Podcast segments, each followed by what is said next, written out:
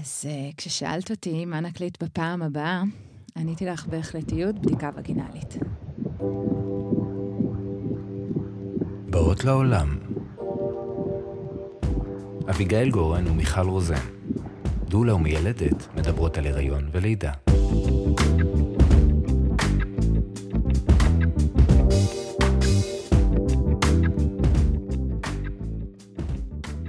היי, קוראים לי אביגיל גורן, דולה ומלווה נשים בלידות.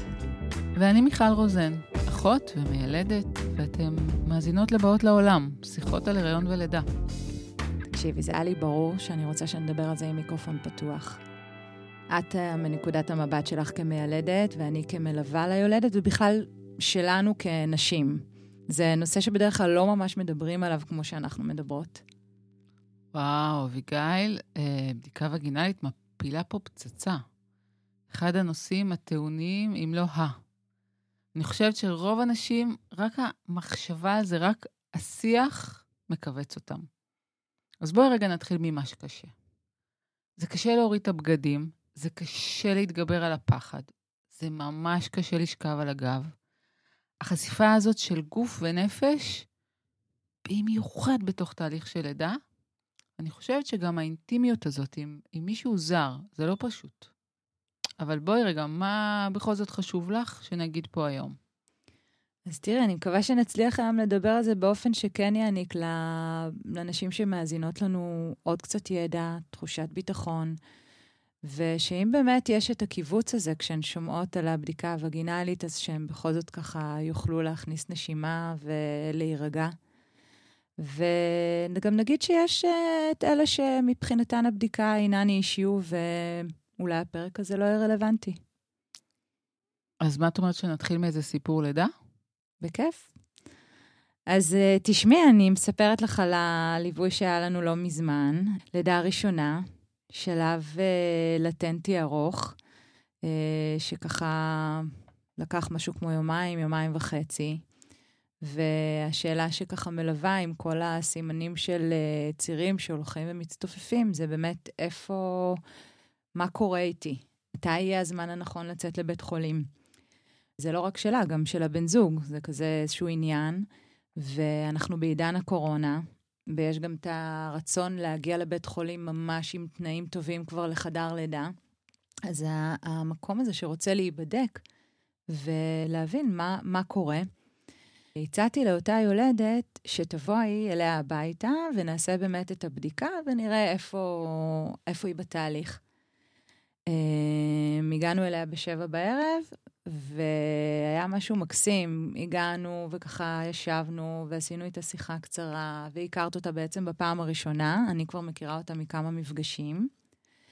ואז ככה הזמנת אותה לחדר השינה שלה, המקסים והנעים, והסברת לה רגע על הבדיקה. והייתה גם תחושה כזו של התרגשות לקראת הבדיקה, ומצד שני גם קצת מתח, מה עכשיו תגידי? בדקת אותה בצורה מאוד מאוד עדינה, ובישרת לה שהיא בפתיחה של שלושה וחצי סנטימטר ומחיקת צוואר של 80 אחוז. לי זה היה נראה שהיא הייתה קצת מתוסכלת. אה, לא, לא ממש הצלחתי להבין אם היא שמחה, אם היא מאוכזבת, אבל מיד ככה דיברנו איתה והזכרנו לה שזה עוד סימן בדרך.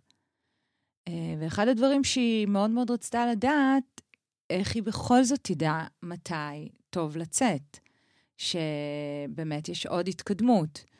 ואז ככה מנינו בפניה את הסימנים הנוספים, כמו התעצמות הצירים, אמ, אפילו בצורה כזו שהיא כבר אה, לא תוכל לדבר כמו שהיא צריכה לדבר איתנו, אה, של ירידת מים, שזה סימן כבר מאוד מאוד ברור, ועוד כל מיני סימנים. ובעצם נתנו לה המון ככה ידע וכוח להמשיך בצורה בטוחה ומפוקסת. וכמובן שאחרי כמה שעות ספורות, הצירים הצטופפו, המים ירדו, ואז הם היו כבר נחושים לצאת לבית חולים, וידעו שזה טיימינג מושלם. ואני רוצה לשאול אותך, מה את חושבת שעזר לה שם? תראי, את נתת לה ציון דרך, אוקיי? היא הבינה איפה היא נמצאת, היא התחברה שוב לתהליך, שהיא קצת הגיעה אליו אה, אחרי יומיים וחצי, היא קצת נחלשה בכוחות, באמונה שמשהו באמת קורה. היא גם הבינה עוד משהו, שזה בסדר עוד להישאר בבית, שהיא לא חסרת אחריות. ואפילו שהייתה שם את האכזבה הזו לרגע, היא, היא הצליחה באמת להבין שהיא מתקדמת. אני אגיד לך שאחרי הלידה, כמה ימים אחרי הלידה, היא ציינה בפניי שהרגע הזה שאחרי הבדיקה, כששאלנו אותה איך זה פוגש אותה, האינפורמציה הזו שהיא בפתיחה של שלושה וחצי סנטימטר, הרגע הזה שלרגע פנינו אליה לשאול מה שלומה, איפה היא בכל הדבר הזה, מבחינתה זה היה רגע מאוד מאוד מחזק ומעצים, ששאלנו איפה היא. זה ממש מעניין, את יודעת, אביגיל. כי לפעמים לי כמיילדת יש את התחושה ההפוכה, שאני כל כך לא רוצה לאכזב אותה, ואני ממש מקווה שאני אבדוק אותה והמספר יניח את דעתה. והתחושה הזאת שאני לא באה לעשות לה מבחן, זה אולי אפילו הפוך, אני כמיילדת לא רוצה לאכזב אותה עם התוצאה. וכמעט תמיד יש לי את התפילה הזאת בלב שהם כבר התקדמו. וחשוב לי לומר עוד משהו. המידע הזה של כמה הפתיחה כרגע היא לא המידע הכי חשוב. זה לא הכי חשוב כמה הצוואר פתוח. זה חלק מתמונה הרבה יותר גדולה, אה, כי מה שחשוב לי זה גם איפה נמצא התינוק. כאילו, where's the baby? זו שאלה בלידה. כלומר, איפה הוא בתוך האגן, בהתברגות וכל ההיבטים האלה? איך הוא יושב באגן? הוא סיים את הסיבוב? באיזה מנח נמצא הראש בדיוק? ובבדיקה הזאת אני מקבלת אינפורמציה שיכולה לעזור לי גם לחבר את האישה להמשך התהליך ולהנחות אותה בהתאם. אז תראי, לך יש באמת את האפשרות הזו כמיילדת לעשות את הבדיקה שהיא ככה נותנת את כל האינפורמציה הזו, ואני מרגישה שאני כמלווה, יותר כמו איזשהו גשש בלש, ככה כל הזמן מסתכלת, מחדדת את החושים שלי, מנסה להבין, מנסה לשמוע עוד איזשהו סאונד, אולי פתאום היא מתנשפת, אולי פתאום משהו משתנה, ובאמת אה, לאפשר לה להבין שיש סימנים נוספים ולא רק הבדיקה הווגינלית. זה משהו שהוא מאוד מאוד יחזק אותה, שהיא בתוך תהליך ושכן יש התקדמות, גם אם היא לא יודעת עדיין באיזה פתיחה. אז בואי אה, רגע, תס, תס, בואי תפרטי אביגל ונעשה קצת סדר. אוקיי, אז, אז אני, אני אגיד שהסימנים האלה שאני מחפשת אותם זה, זה מכלול, פשוט נקרא לזה ביותר, זה תזמון צירים, שבאמת אפשר גם לתזמן את זה, ויש אפליקציות, ואפשר באמת להתרשם שהצירים הופכים להיות סדירים, שמשך הזמן שלהם מתארך, והתדירות שלהם אה, צפופה יותר, והם ממש כבר מתחילים להיות סדירים. אז זה, זה אחד. בתהליך הזה יכול להיות סימנים נוספים כמו פתאום הפרשה שמשתנה, איזושהי הופעה של הפרשה דמית. לפעמים באמת הקול שלה, הדרך שהיא ככה מתקשרת, היא יכולה להיות אחרת לגמרי. היא יכולה פתאום לא להצליח לדבר איתי ולזרוק את הטלפון שמגיע הציר ונשמע מנהמה רחוקה כזו. אני חושבת שיש עוד סימן שהוא לא תמיד קל אה, לאבחון, אבל הוא כן סימן חשוב, ואני כן רוצה להגיד, זה הפס הסגלגל. אז בואי רגע ת, אה, תבהירי למי שלא מכירה אוקיי, מה זה. אז תראי, יש לפעמים נשים שבתהליך של הלידה יופיע אה, באזור של אה, בין הישבנים לכיוון הסקרום, ממש מין פס בעור כזה, סגלגל, אולי אפילו אדמדם, הוא מתחיל בעצם מפי הטבעת, וככל שהלידה מתקדמת וצוואר הרחם הולך ונפתח, ככה הוא מתארך.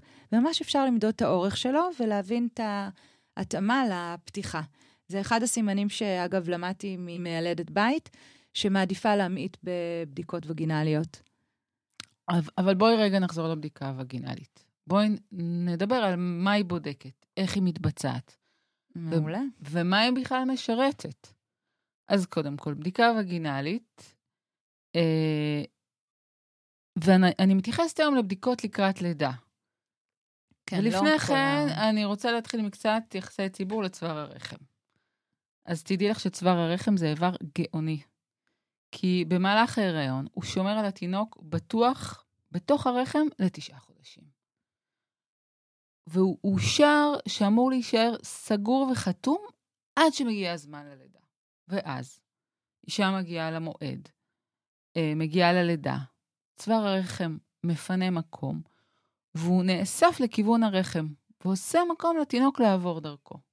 מקסים. אבל תגידי רגע, מה, מה בעצם uh, את עושה בבדיקה, בבדיקת פתיחה?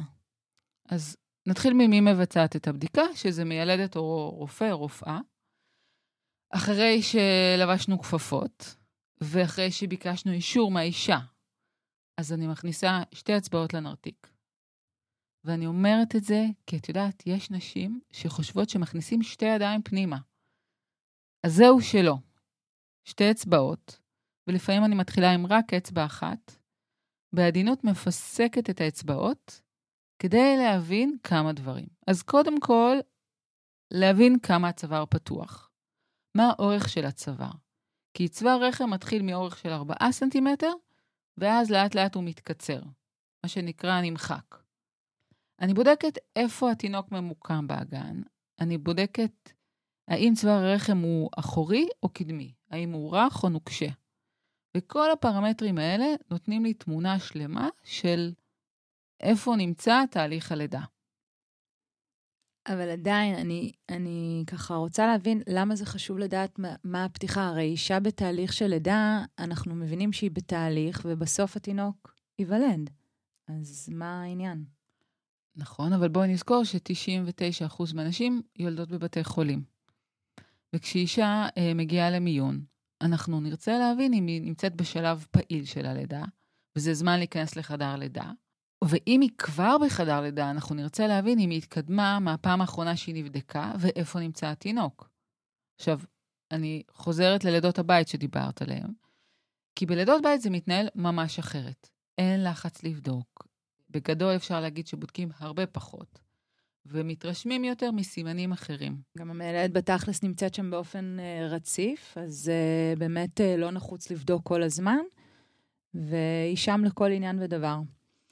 אבל תראי, ידוע שלא תמיד הפתיחה של צוואר הרחם והנושא של התקדמות בלידה, לא תמיד יש התאמה מלאה.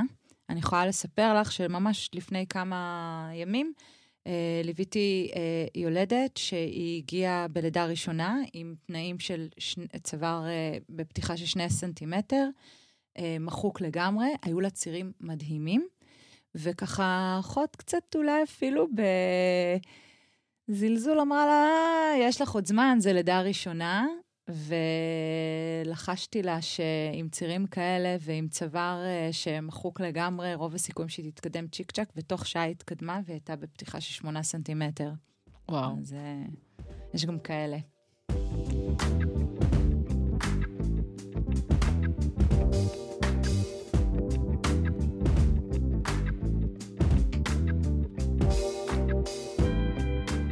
הולכת לומר משהו קצת מוזר.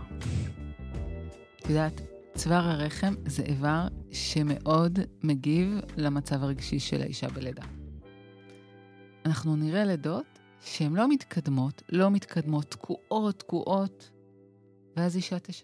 תשתף באיזה חשש שלה, באיזה פחד שלה, בגעגועים שלה לילד שכבר יש לה בבית, משהו שיושב לה על הלב, ולפעמים זה פשוט איזה בכי כזה שמשתחרר, או איזה צחוק.